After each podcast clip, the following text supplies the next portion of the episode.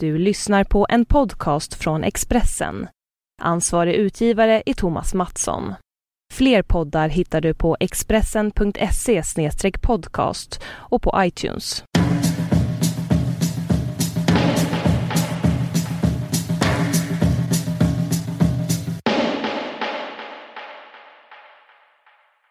Läget? Jo, det är bra. Mm. Jag har precis badat som vi poddare gör. Badat? Mm. Okej. Alex och Sigge är kända för att bada och jag försö- försöker surfa lite på deras Ja. våg. Jag badar och ofta också. Eh, Jag hade gjort det förra gången vi spelade in också. Just det, du var naken förra gången vi spelade in. Precis, jag försöker desperat. Jag fick inga reaktioner så den här gången försöker jag liksom mer vara så här mysig. Se om det går bra. Hur mår du? Ehm, jo, eh, bra. Eller jag vet inte. Det är liksom... ehm, jo, det är jättebra egentligen. Och det är bara det att jag... Ehm, det, är, det är som det är med ehm, den här grejen när man har små barn. Att det alltid är så här... Man har sånt livspussel som är helt eh, sjukt. Så till exempel idag var mina barn sjuka. Och då, därför har inte jag hunnit förbereda. Alltså jag sov väldigt dåligt i natt. Fast jag är jetlaggad. För att jag kom från New York. Och då var mina barn sjuka idag. Så de ja, har varit hemma. Och jag har inte kunnat förbereda så mycket. Och sen la jag dem. Och nu är klockan jättemycket. Och så vidare. Men ehm, jag vet inte. Jag tycker det, det, är liksom, det, det är någonting som är tråkigt med att prata om de här grejerna. Men det är någonting som också är lite intressant. För jag undrar om det är på riktigt det är så att kvinnor i vår ålder liksom gör sämre Mm. kultur, eller man ska säga, för att vi också håller på med det här eh, eh, vad heter det, produktiva arbetet eller reproduktiva arbetet väldigt mycket. Mm. Men, men männen gör ju det också. Jo, absolut. Men med, många män som jobbar med media kanske inte gör lika mycket. Jag vet inte. Förstår inte vad du pratar om. Nej, jag skojar. Absolut. Ja, ja. Absolut, absolut. ja men jag, håller träffar sådana manliga författare som är så här, sätter en ära i att aldrig ha ställt in en enda, vad heter det, ett enda framträdande. Men grejen är det är extremt mycket damn if you do, damn if you don't. För att jag eh, gjorde ett framträdande 14 dagar efter jag hade fött. Då åkte jag och pratade om mansplaining på ABF. Jag vet inte om du minns det här. Eh, jag, jag och den här psykologen Jenny Jägerfeldt hade ett sånt här. Ja, vänta, när? Eh, Alltså 14 samtal. dagar efter att du hade fått barn? Ja. Ja, precis. Och jag har gjort, så har jag hållit på hela tiden och jag upplever att den här hönsgården som vi kallar kvinno... Nej, jag skojar bara. Men jag upplever att eh, det är många som eh, tittar... Eller jag upplever en attityd. Jag känner att jag måste förklara mig. Jag känner skuld helt enkelt för sådana grejer. Okej. Och nu har när jag regisserat eh, så har min dotter varit fyra, fem månader. Och då, vem vet, am I right? Nej men hon har varit fem månader. Men eh, då har jag hela tiden känt skuld. Men jag vill bara säga till alla att eh, hon har varit på set hela tiden. Eh, och min kille som är så, han har varit där hela tiden. Så jag har ammat hela tiden. Men grejen är att jag pratade med en skådis som är med i min juice bar-serie som också är med i din eh, pjäs på dig, Sanna Ja. Sundqvist. Eh, för hon började också jobba extremt tidigt. Och att hon var, det, det är hennes, hon, hon berättade, vi pratade lite snabbt om moderskap. Att hennes starkaste upplevelse är att så fort man föder ett barn så får man eh, ett ansvar. Men, men alltså, ett annat ord för det ansvaret är ju skuld. Så det känner jag.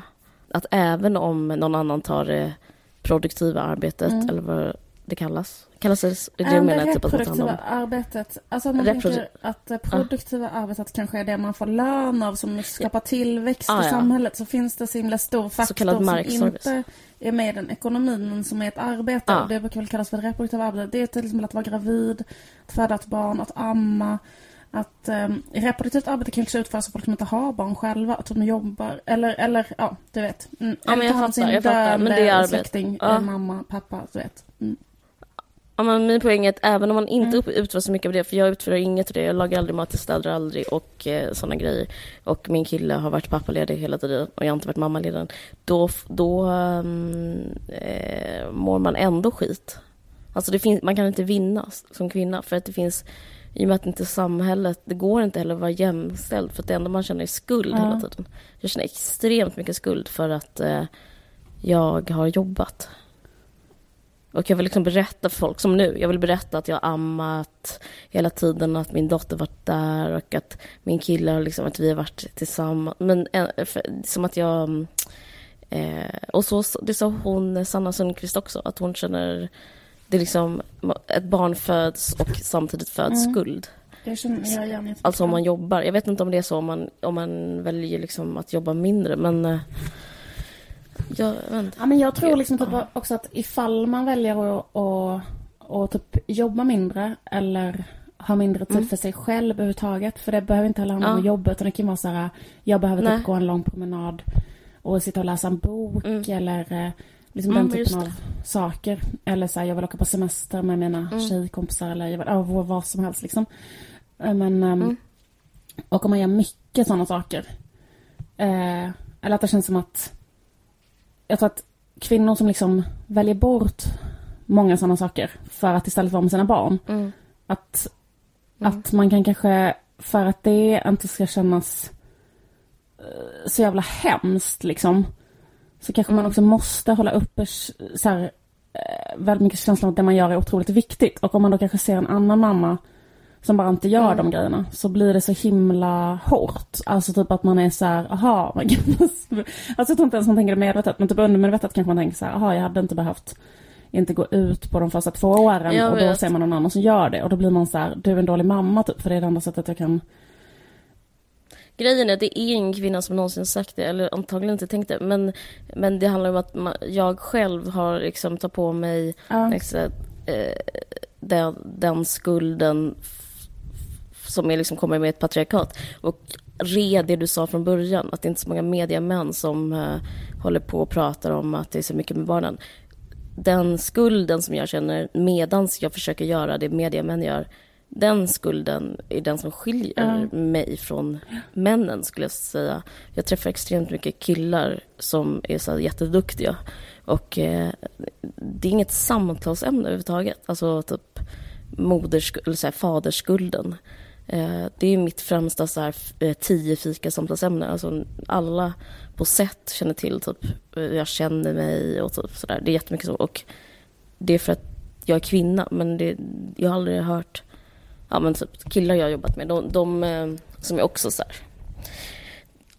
Så det är väl det som är skillnaden, att man kan göra sånt utan att ja, känna... Ja, för att liksom allting man gör om man är en pappa är liksom och mycket så ja. bara en bon. Alltså då är man liksom, då kan man verkligen, för man, det är ganska lätt att vara liksom bättre än förra generationen och tala om ja. generationen innan dess.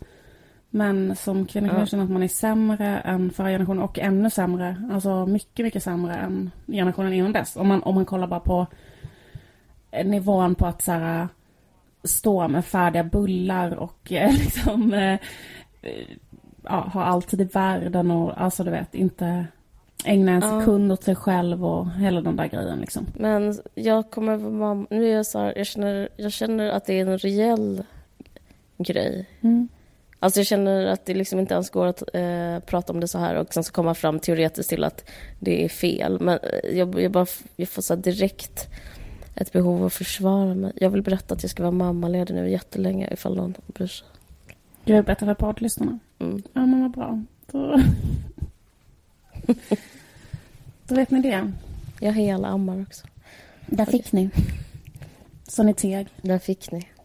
Fast jag måste säga att det finns någonting annat som inte har... Det är så svartvitt så det finns någonting annat som är så upplyftande med att... Eh, att till exempel, eh, som nu när jag har regisserat den här tv-serien, det finns någonting som, som är väldigt underbart. Att man märker att allt bara går väldigt bra. Alltså för, för att ens barn mår väldigt bra. Att det går att jobba om, och typ att man har ett barn som bara liksom jollrar och skrattar och typ får jättemycket uppmärksamhet. Mm. Alltså liksom det finns, det finns liksom andra sätt. Jag tror, rätt, jag tror att man, det är så lätt att tro att det inte finns andra sätt. Man är så rädd. Det är så den starkaste känslan som förälder, känner jag. Mm, absolut. Jag vill bara tipsa ifall någon typ är sugen på att göra någonting. Eh, förlåt om det lät, där lät självgott. Men okej, okay, men annars då? Förutom det här, det vi pratade om. Vad hände? Hur var det jo, New York? det var underbart. Det var jättekul. Jag var ju i New York och uh, gjorde... Um, jag, eller varför skulle någon veta det? Jo, men jag har varit där några dagar. Jag, jag var ju det. Och eh, bland annat en sak som jag gjorde var en sak som eh, en massa mm, andra vidriga svenskar gjorde. Nämligen eh, var och kollade på Håkan Hellström. Jag tänkte jättemycket på det. Var det väldigt många svenskar? Jag, jag, jag, jag tycker det är väldigt så här, vad ska man säga, bra självförtroende att ordna, liksom, sätta upp en spelning i New York. Är, finns det en Men marknad? Alltså, alla, alltså, det finns så otroligt mycket svenskar i New York. För det första Okej, och de älskar Ja, Håkan men för det Hellström? första så tänker jag att hans fans åker typ dit för att kolla på honom. Och ja, jag vet inte. Och sen finns det otroligt Ja. mycket svenskar i liksom Brooklyn. Och, alltså, jag, inte, men jag tycker det känns som att man hör svenskar hela tiden. Ja, det, ja, det, ja, det är fan sant. Ja. Jo, men jag tänkte på en sak. Just... Eh, Var det fullsatt? ja, men alltså det kanske var slutsålt på så här en minut. Eller typ det är liksom... Jaha. Det som, men han sålde liksom ut Jag Ullevi. känner mig inte att jag har fingret i luften. Jag fattar ingenting av det här. Det är så himla konstigt med Hellström för han är ju liksom eh, kanske den mest älskade människan kanske i Sverige. Ja, jag säger ja. Jag bekräftar. Han är mega Ja, älskad. Och typ så här ehm, att eh, om vi bara så här, utan statistik säger så att han är Sveriges mest älskade konstnär eller kreatör eller man ska säga. Så tycker jag att det är så här, ganska intressant med honom för att han är så här, um, att man tänker så här hur han har um, tagit det. Eh, sin, Mm. eh, att så många människor älskar honom. Att han Mm, känns så himla, som att det inte är på något sätt eh, en neuros eller ett problem eller något som ger honom så aggressioner eller självhat eller Mm, att liksom som annars jag tänker så här väldigt vanligt. Eh, jag vet inte om du minns det var en sån skandal kring Ulf Lundell typ tidigare i, eh, alltså kanske i höstas någon gång. När han spelade typ i Linköping tror jag. Och han bara fick ett utbrott Mm, minns inte. på eh, de som står längst fram. För det är typ alltid samma människor. Eh, som, alltså för Ulf Lundell är också så här jag, jag tänker liksom att artister kan ha olika typer av fanskaror. Men liksom vissa artister har nog fanskaror som liksom känner så himla mycket för artisten. Alltså, jag tror typ inte att Money Brother, eller alltså förstår du vad jag menar? Folk kan kanske gå och kolla på en spelning Mm. typ Amazon eller vad som helst. Men att väcka sådana bizarra känslor som kanske Håkans fans har för honom. Eller Ulf Lundells fans Mm. har för honom. Alltså det är liksom en annan grej. Eller kanske Beyoncé så också. Alltså Mm. typ att folk bara, Mm. ja. Är liksom Absolut. devoted på ett, på ett eh, väldigt så här djup psykologiskt plan. Helt bundna till de här personerna. Så här. Och så bara hur det känns för dem. För då fick i alla fall Uffe ett eh, utbrott och började så här, gorma typ till de som stod längst fram. Så här. Mm. För det är typ då samma människor hela tiden som köper biljetter till alla, för, alltså all, hela turnén och alltid är längst fram. Och, ja. och då skriker han så här, jag är så jävla trött på att se er och typ jag skulle kunna betala, liksom betala tillbaka så här, era biljetter. Bara ni eh, bara slutar komma. För jag spyr på er. Alltså så. Det förstår man. Fan vilka präktiga fans. Jag vet. Gå hem. Men jag kan också, jag kan också liksom förstå den, eh, den känslan hos Ulf Lundell. Av att vara fan? Vad sa du? Av att Nej, vara av fan? att, vara, av eller att det vara Ulf så... Ehm, alltså för det kanske är så här, eller jag tänker att det är någon form av självhat. Att man är så här, eh, han har gjort någonting, typ de där låtarna. Och sen så står Ja. bara de där människorna och är liksom får som speglar honom. Och så, och så kanske han ser på dem och tänker så här, är, var det inte mer än så här? Eller fattar du? Alltså typ så här, att, att han kanske inte vill att de ska tycka så mycket om det. Nej, såklart inte. De låter astöntiga. Eller jag tänker att det är så här väldigt vanligt i, liksom, i, i, i, i massa olika, eller liksom i jättestor utsträckning just sådana människor som blir väldigt framgångsrika inom sin, um, inom sin grej. Typ så här att uh, även kanske så här Prince, alltså det är så här, de håller på att trixa jättemycket så här, nu ska alla, alltså kanske alla älskar honom, så här gränslös framgång och sen är han bara så här eh, ni måste kalla, nu ska alla kalla mig så här, the symbol eller alla ska kalla mig, alltså det är så här, att bara hålla på så här krångla typ. Att så här, eh, för jag klarar typ inte av eh, att bara så här åka runt och bara vara Prince, bara spela Purple Rain. Eh, ja.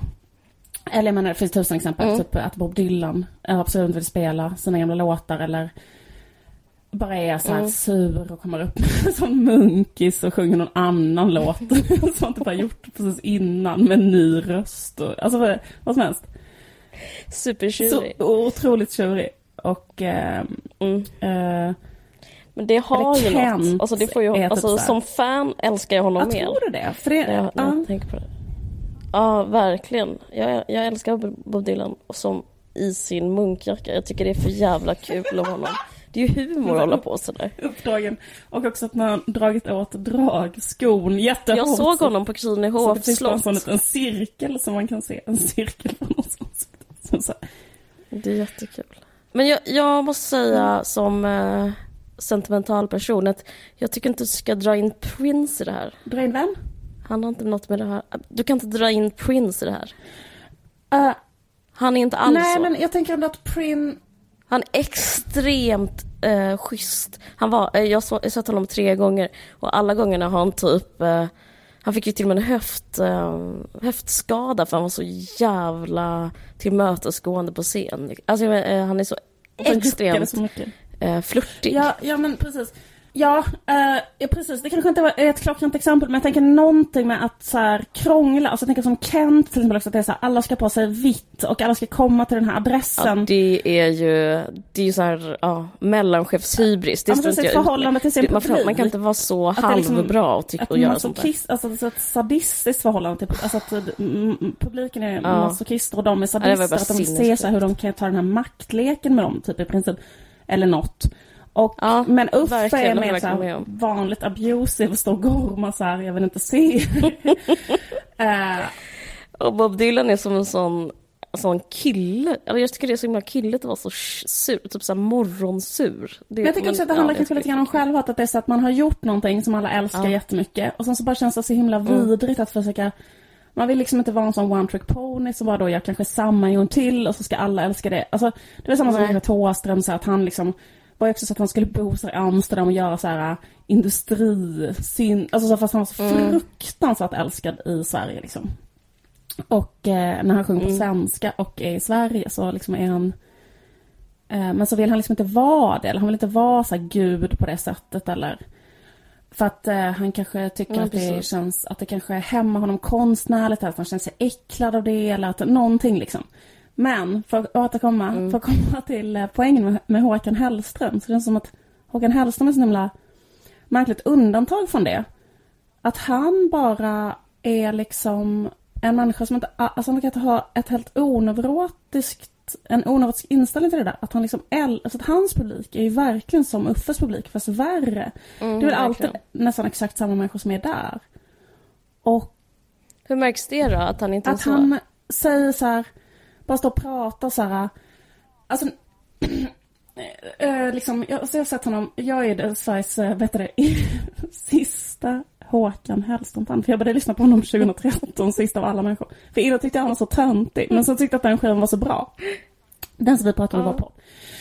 Um, I alla fall. Och eh, då, alltså det bara, att- nej men då när jag såg honom på den turnén, när han, prat, när han turnerade med den skivan, Det kommer aldrig vara över för mig-skivan. Då var han så här, tänk att ni har kommit hela vägen eh, och stod ni ute i regnet? Gud, vi var helt frusna nu, att ni orkade stå och vänta. Vi, alltså det, sådär är han. Och liksom är Mm. så här, delar ut Det är inte bara det att han pratar göteborgska, det låter så vänligt. Ja, men jag kanske börjar med att gå och trycka allas händer i hela första raden. Sen ta upp en stor Ja. blombukett lite senare och dela ut blommor till alla i publiken. Och liksom upprepade, upprepade, Ja. upprepade gånger bara säga så här, tack, tack, tack, tack, fattar, tack, tack, tack. fattar. Sen också att han spelar hela tiden sina gamla låtar. Alltså att han spelar, alltså nu, okej, det här är baserat på att jag har sett två konserter.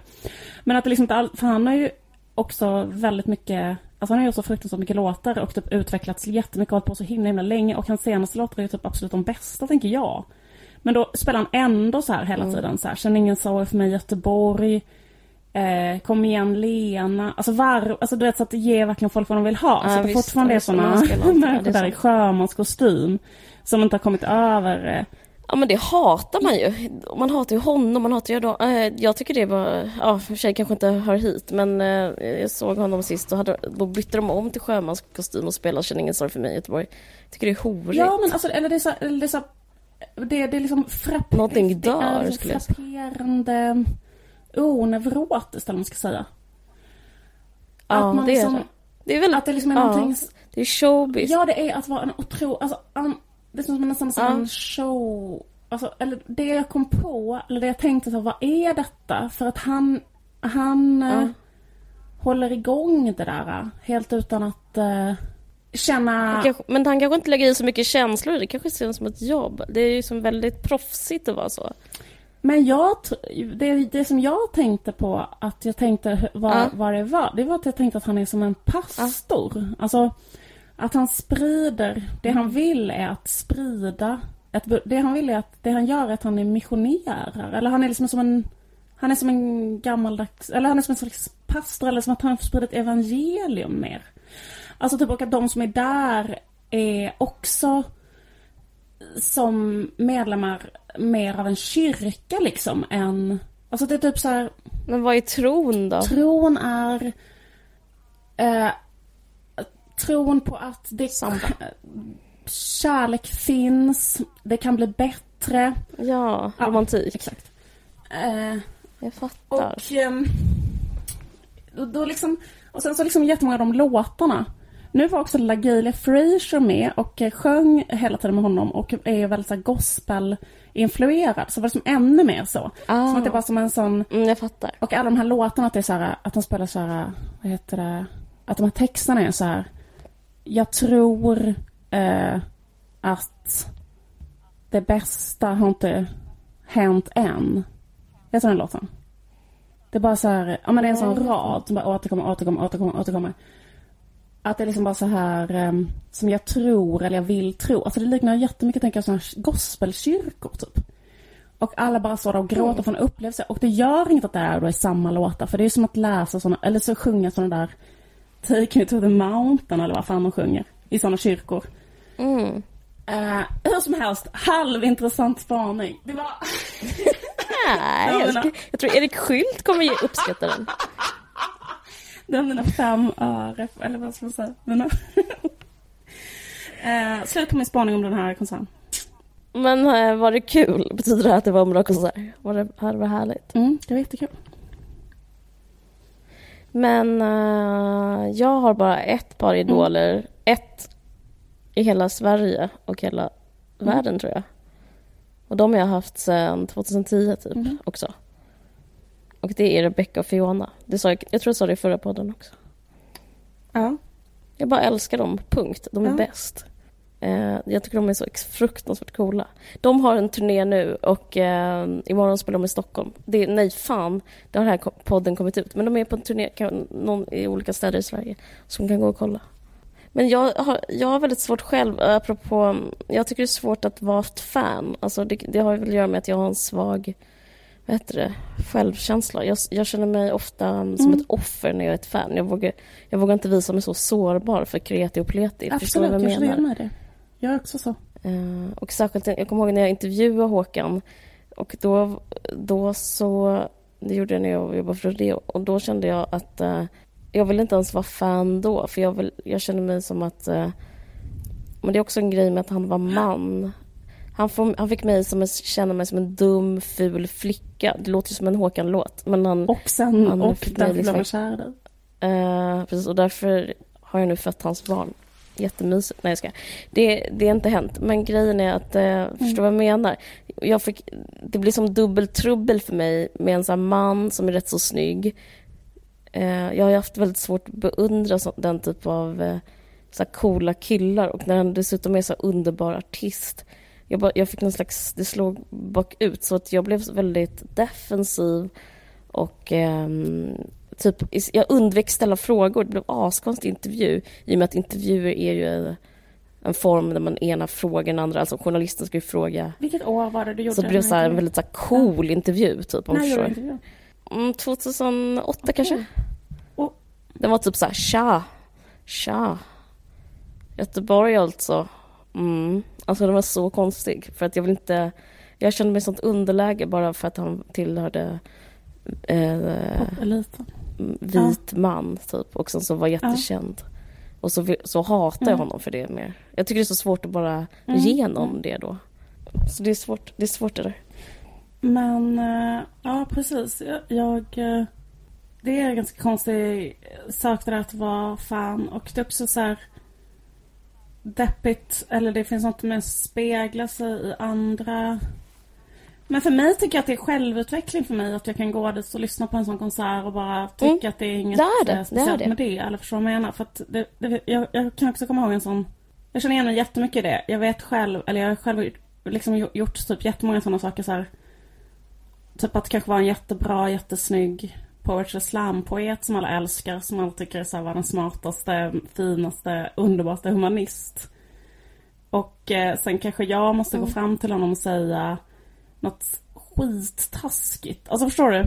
Alltså kanske då, alltså när jag var ung så var jag så jättemycket. Fattar. För att jag tänkte att Fast det var säkert sant. Vem gillar... Jo men alltså typ att jag var kanske avundsjuk ja. slash uh, arg på den hierarkin. Ja, eller var arg för att han inte behövde vara...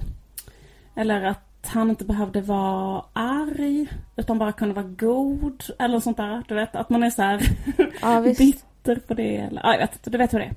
Men det är också lite, alltså jag vet inte riktigt. Det är också något med det som är lite osoft liksom. Att, uh... att, att gå fram och skälla ut en poetry slam-poet? Ja, eller liksom, alltså så här. Alltså, alltså så där kan folk vara mot mig till exempel nu. Alltså folk kan vara så mot mig nu ganska, eller det kan ändå hända mig typ om jag går ut. Att, folk att de får aggressioner? Ja, absolut. Att de går fram och säger något men är det då, för att, för att grejen att jag skulle säga att det handlar om min, min egen svaghet och min egen panik inför att känna mig ojämlik. Är det, är liksom, ja, känner du det, att det är därför ja, folk gör det också? Jo, det tror jag också att det är. Att, de liksom, ja. att det blir så här, kanske, det är kanske någon som har läst mycket jag har skrivit och så, eller någonting, eller lyssnat och sen så är de liksom så, så känner de sig så arga för att det är så orättvist för att de kanske också har något att säga för fan. Eller fattar du vad jag menar? ja, bara, precis. Men kan du, se, kan du se någon trend i dina sådana personer, vad man ska nu kalla dem, dina kritiker eller dina så här, är det liksom, är det, kan du liksom, är det Nej, men alltså, det har faktiskt hänt jättefå gånger. Eh, ja. Så ska jag inte säga heller att det finns en trend. Det här är jätteotroligt winat av mig. Men jag bara säger att det typ har hänt. Eller vad man ska säga. Mm. Och jag kan känna igen. Jo men då kanske det har varit tjejer. Så här, som har ja. vetat. Alltså kanske som vill så här, med väldigt tydlig markera så här att jag är inte imponerad av dig. Alltså sådär. Och så kanske de äh, måste okay. markera det liksom väldigt tydligt eller ännu mer eller typ så här. Okej. Eh, och, och jag är bara så ja men herregud, alltså det, det, det gör mig faktiskt inte så himla mycket. För jag känner igen mig i det där så jag kan inte förstå det. Men jag har alltid känt... Kan folk vara som mot dig? Ja, folk är som mot mig. Men ja. jag tycker det är intressant för jag har aldrig upplevt eh, det från eh, kvinnor. Jag har inte fått så här tjejhat eller kvinnohat, men jag har fått... Eh, jag, har hitt, jag har identifierat en grupp faktiskt, det är intressant att vi pratar om det här, men jag har identifierat en grupp som hatar mig eh, och som mm. jag har mm. blivit rädd för nu. Jag har ju, det är ett jävla tjat. Jag har spelat in den här serien Juicebaren och det, idag fick jag ett mm. mejl från SVT, det är helt underbart. De ska tidigarelägga den så den kommer sändas i september. Det är jättekul. Mm, wow, det är jättekul kul. och vi håller på och klipper nu och sådär. Men jag tycker det känns obehagligt för jag är liksom rädd för... Den har redan fått publicitet eh, och mm. skrivits om i DN två gånger och lite här och var. Det är jättekul. Men eh, jag känner mig också rädd för jag upplever, alltså jag vet inte om det här gör mig till en äkta konstnär. För det är typiskt Norén och sen skriva en 1400 sidor roman om ens fiender. Men jag upplever att jag har typ människor som tycker illa om mig på pinchi, så kallat. Alltså för att mm. de... Bara för att jag är jag. Förstår du vad jag menar? Mm. Och det är en grupp som kanske också känner som jag kände inför Håkan då, 2008. Det är killar, inga tjejer, aldrig tjejer, killar i min egen ålder, alltså exakt samma, födda 80, mm. Mm. som gör exakt samma grej som jag gör. Alltså, mm. mina min spegelbild hatar mm. mig. Du vet, någon som är nästan så här hack i häl, som vill liksom, någon som tävlar med en, det är typ, och som är så en vit kille i 30-årsåldern. Jag har ett exempel, det är som är så härligt med det här. En jobbar på DN och han skrev nu om juice, om min serie, då skrev han, jag slog för DN hade gjort en stor intervju med mig om den, sen så skrev han så här, det är inte lönt att den här serien kommer, för det är, vem vill se massa sköna killar blanda juice? bla bla bla bla bla. Men jag tänkte på den här, den ena killen som skrev om det, för att det är inte ens, alltså det är inte sant.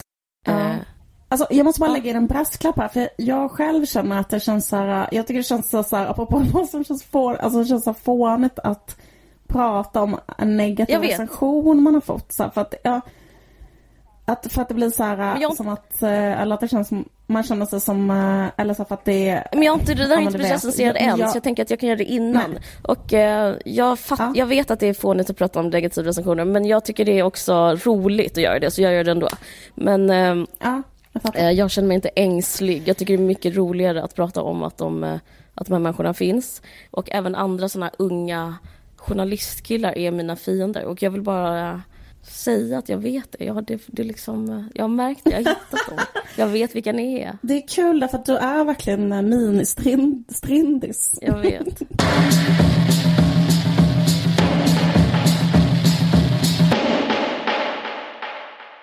Det har kommit en ny eh, engelsk-amerikansk eh, studie som är utförd i England. Mm. Där man har intervjuat typ eh, ett antal unga män och kvinnor mellan 16 och 18 år. Mm. Och följt upp det sen ett år senare. Och det är en eh, sociolog som heter eh, Ruth Lewis eh, som är vid University of the Pacific i Kalifornien. Mm. Som har eh, gjort studien framförallt. Eh, som handlar om oralsex. Mm. Och ehm, man har inte gjort så här, eh, särskilt många studier om det innan tydligen. Eh, så här hur, ehm, alltså för man eh, brukar tydligen, eh, eller har tydligen mest statistik eller undersökningar som handlar om typ vaginalsex. Men att bara prata om, de har gjort en undersökning helt enkelt om oralsex bland människor i den här åldersgruppen. Mm. Och då är det så i resultatet att både män och kvinnor säger att det är en större sak för män att ge oralsex än det är för en kvinna att ge oralsex till en man alltså. Och eh, de beskriver också oralsex för en man som mer obehagligt. Och också, det här tycker jag är jätteintressant, Vänta, vem Att det beskriver var- som kvinnorna?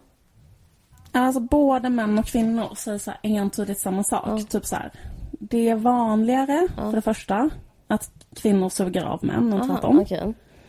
Ja, för det första är det mycket vanligare. För det andra så är det att de alla tycker att det är en mycket större grej att då en man ger head till en kvinna än tvärtom. Mhm, mm. Och att många mer män och kvinnor, män och kvinnor samstämmigt säger att de upplever det som mer obehagligt för en man att ge oralsex än vad det är för en kvinna att ge oralsex. Mhm. Håller inte alls med om. Nej, jag skojar. Och eh, sen så var det att... Det här tyckte jag var så här, ganska intressant. Ja. För det, då var det så här att båda... Eller att eh, när det gällde hur man kände sig när man tog emot oralsex Mm. så kände män in, inte någon svårighet att motta oralsex men att kvinnor eh, hade en större svårighet att liksom, eh, ta emot oralsex. Mm. Alltså att känna att det kändes um, Det är inte stressande liksom. Ja, lugnt typ, Mm. eller härligt och inte problematiskt eller eh, stressigt eller jobbigt eller så här, i Mm. alla fall. Vad är din åsikt om det här? Ja, min åsikt. Jag väntade på en sån här... Um,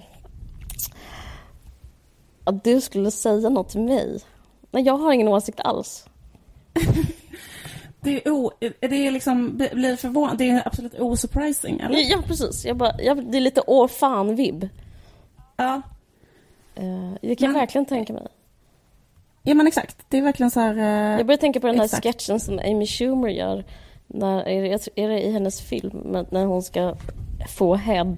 Och då är det en, som, en, en kille som ger sig in i hennes eh, vagina och sen så han bara, och sen så kommer han inte ut från någon fler, förrän flera år senare för det tar så lång tid för henne att komma. Eh, det är ju stressande. Det är väldigt kul. Åh gud vad kul, jag dör. Ja, han kom ut så här skäggig och typ undernärd. Eh, och hon bara, okej, är du säker på det här? För det kan ta lite tid för mig. Eh, så det är väl något där. Du menar att det är något biologiskt? Jag menar att eh, hon, hon har snappat upp det där. Ja, men så kanske det är. Eh, eller om, om, om de säger det så är det väl så. också. Jag menar, det Men jag menar att jag, det jag tänker är att så här, att, eh, alltså det här är också så här, alla, alla fattar det här, men jag bara tänker att det är så ganska intressant så här hur man, jag tänker att det liksom hänger ihop med så mycket så här, eh, liksom en, alltså en så himla liksom så här komplicerad rollfördelning Mm. eh, som är, eh, eh, yttrar sig i liksom en massa olika eh, en massa olika sammanhang såklart. Men en sak som alltså är så himla tydlig den där grejen, alltså att kunna ta emot något som man får och känna att det är lugnt att bara få någonting utan att själv typ ge tillbaka. Eller så, att det är lugnt att bara så, få njutning typ så här, utan att så här, Mm. Att det är svårt. Att det är svårt för eh, att man inte är uppfostrad så som kvinna typ. Alltså så, såklart. Men att det blir liksom det, någonting med den situationen. För den situationen så här, den liksom återspeglar, alltså, liksom återspeglar sig på massa andra ställen. Liksom. Ja, Att det är verkligen. så här, Ja, men det är verkligen inte att- förvånande. Men, men men det är något med hur man alltid liksom pratar till kvinnor mm, eh, som är den åldern om sex. Mm. Så är det liksom alltid så här att de kan bli gravida eller de kan få en könssjukdom eller Mm. whatever. Liksom. Olika konstiga grejer. mm, Eller att de måste säga nej, typ. Och hela tiden att det handlar jättemycket om så här, gränser och hit och dit. Men just den här grejen att så här, att eh, eh, kanske om man eh, hade det på bordet eller liksom att det var så här, varför, varför är det så då i så fall? Mm. Om det, den här statistiken visar det. Att, eh, att det är svårare att ta emot njutning som bara är riktad till en själv och som bara är avsikt att få en själv att njuta typ. mm, Det är liksom är något med det som är så här intressant. Varför det är så här psykologiskt svårt liksom för kvinnor. Uppenbarligen då svårare än för män. mm. Och ehm, jag skulle tycka det var så här, ganska härligt om man till exempel bara diskuterade det när man skulle diskutera sex. Varför det är svårt för kvinnor att ta emot njutning. Nej men jag menar vad, vad beror det på att ett kön Mm. eh, unnar sig själv att få njutning och inte tycker att det är jobbigt eller svårt att få någonting, få njutning. Och ett annat eh, tycker att det är, eh, tycker typ, Men frågan är om man ska diskutera just det. Om man, det handlar väl mer om så här socialt ansvar. Liksom, att, man all, att det är alltid typ en tjej som ska typ ställa fram kakor och mjölk till alla. Typ. Ja, men alltså, förstår du vad jag menar? Att det är alltid typ så här... eh, det är så unnigt att vara så sur. Ja, men typ vara som Bob Dylan. Det är också, en tjej skulle ha svårt att bara sitta så sura på en scen. Det känns som alltid samma sak egentligen. ja men exakt det jag menar att allting är exakt samma sak. Får jag fråga dig en sak? Japp. Eh, upplevde du någonting, eh, kände du dig nära presidentvalet i USA, eftersom det var i USA? Ja. Har du några nyheter att rapportera hem? Eh, nej, annat än att liksom eh, att det är mer att folk, att man, att man ser folk ha så här jätte, jätte, jättestora pins på sig. Ja. Tallriksstora pins och man ser klistermärken. Nu, det nu står det mellan Trump och Clinton, Bernie. va? Vad sa Det du? står mellan Trump och Clinton, om jag har förstått det. Ja, det verkar så. Ja. Ja. Men jag ska bara säga att jag läste den, jag, jag, jag, jag lovar att jag inte tillhör de här svenskarna som typ ser som sin livsuppgift uppgift att så här, uttolka det amerikanska valet utan att ens ha ett pass så man kan rösta. Men jag ska bara säga en sak som jag läste eh, som jag tyckte var rätt så bra. För eh, i min lilla ensamhet har jag ändå tänkt så här, vilket många människor har. Hur, vad sjukt, hur kan Trump gå så Mm. långt? Han är en pajas. Klassiskt. Mm. Mm. Eh, och så har jag inte förstått det. Men så läste jag en jättebra, jättebra, men det har nått. Den liksom talade till mig för det, den skrev, den pratade, kommunicerade på ett språk som jag kunde förstå. Och det handlade om kändisskap. Och det är samma sak som den där franska journalisten som jag pratade om i ett annat avsnitt som pratade om att så här, Daesh och IS-soldaterna, att det handlar om en slags kändisskap där. Att Trumps anledningen att Trump når sån framgång, röner sån otrolig framgång, handlar om att han är, han är en igenkänd... Han är liksom, Ja. Det här är min tolkning, men om du vet så här Jung som har så här typer, eller arketyper heter det. Mm. Mm. Trump är ju en arketyp i vår samtid. Han är eh, någon som vi känner igen. Antagligen amerikanare också känner igen. Han är ju en person som typ är med i en dokusåpa. Han, nu pratar jag inte om Mm. hans Apprentice dokusåpa utan men han har den här och man gillar typ den typen. Han är ju, alltså om du tänker på det, det, var det här jag läste att han är en sån som säger eh, du vet den här grejen, det har man hört i Big Brother typ. Jag är en jävligt rak person. Jag är bara sån som säger som det är. Om folk inte kan tåla sanningen så borde de, du vet, den grejen. Och hela tiden prata om falskhet och ärlighet. Ja. Och det är ju hela hans grej, att han är så här, Ja, just det. jag, eh, jag är rasist, typ så, och det får man inte säga i det här, detta landet, men jag säger det om det är ert fel om ni inte kan tåla sanningen. Nu ska jag bygga en mur. Alla bara, va? Det är en jättekonstig idé. Han bara, ja, men eh, jag, jag säger det folk Käften, egentligen... PMS-kossa. Alltså. Vad sa du? Ja, precis. Käften, PMS-kossa. Alla vet att Hillary inte kan tillfredsställa en man. Nej ja, men precis, exakt. hela Ja. tiden. på- Det är så dokusåpa. Och eh, eh, grejen med hans framgång skulle bara kunna vara så enkelt att man bara, att folk ser så mycket på TV så att man, man det är typ så hem, det är hemma att, eh, där är han, där är den arketypen igen. En sån, en sån dokusåpa-nisse som, eh, som pratar om Det falskhet. till, ja, men, alltså det tror jag till, alltså det tror jag på till 100 procent. Ja, Jag tror liksom inte ens, exakt, man inte ens så här, koll- analysera någonting vad han säger. Nej, för eller det- för det är ju ingenting annat. eller så här. alltså han säger Nej, jättemycket alltså, grejer, att- åsikter, men Ja, men, så, men, jag, jag tror bara det är liksom att, att, att det är liksom lite grann som att när man bor i en by Ja. eller något sånt där, Ja. så blir man så lite intresserad av grannens Ja. ehm, dotter. Kanske f- ägnar man hela livet åt att liksom hålla lite koll på, ja vad gör hon nu, jaha hon Ja. har flyttat dit och så här, om hon sen skulle hamna på tv. Alltså det är så här, att det är liksom lite så här bymentalitet, att man är så här, den där känner jag igen. Det är ungefär som att den där har bott, den har gått på min skola eller någonting. precis. Och det räcker, för det är så här, den där har jag sett och den där liksom, det är, det väl, Precis, och det, i hans fall så blir det ett slags dubbelt kändisskap. Dels med hans riktiga egna kändisskap, men också dels genom att han får då liksom, ja men den här eh, karaktären i samtiden som han representerar. Alltså med den där sanningssägarkaraktären. Den är så Ja. himla trygg. Jag tror typ eh, all, annan, all annan politik känns bara som lite har med en själv att göra. Men just den här dokusåpa-karaktären har ju med en själv att göra. Den är så mysig, liksom. Den är så hemkär på ett sätt.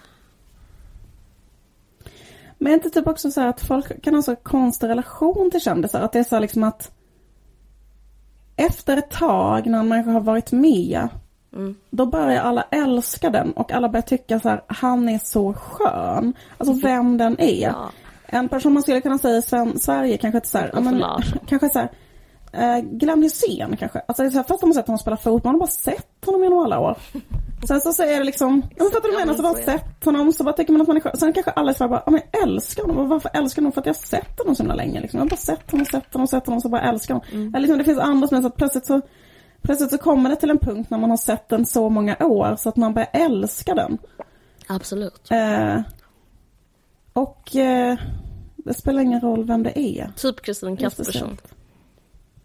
Nej men ännu mer kontroversiella tycker jag också. Alltså även folk som är liksom så här att det bara att helt plötsligt är det så den personen är så skön. Typ för att den, Men vem är så? Typ Oldsberg? typ, är, nej men typ så här. Är det inte så med, alltså det är nästan Glenn Hysén var det bästa exemplet, måste jag komma på till. Ja. Ehm, Det är sant. Men så här typ... Eh,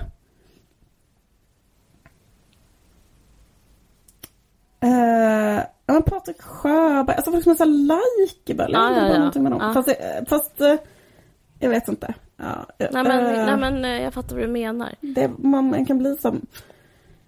Men jag menar ju inte att han var känd. Jag menar att, att eh, typen är känd, om du fattar.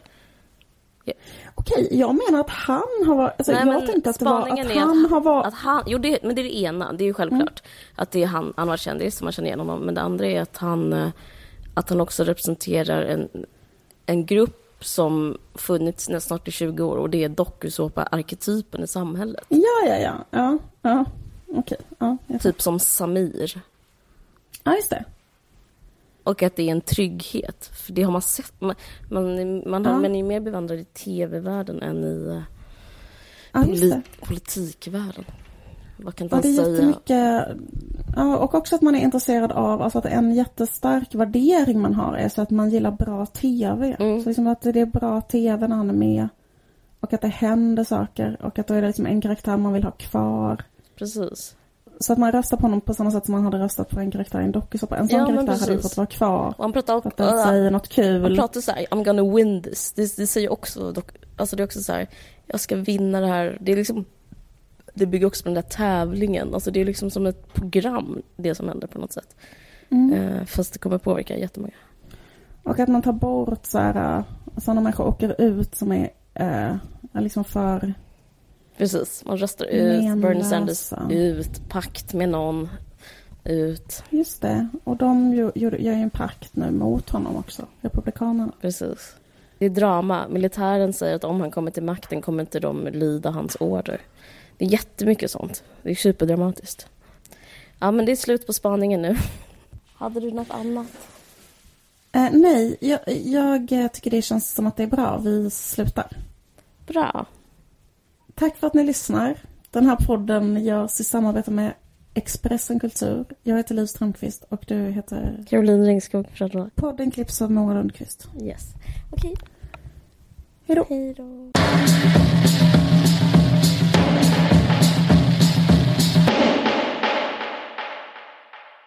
Du har lyssnat på en podcast från Expressen. Ansvarig utgivare är Thomas Mattsson. Fler poddar hittar du på expressen.se podcast och på iTunes.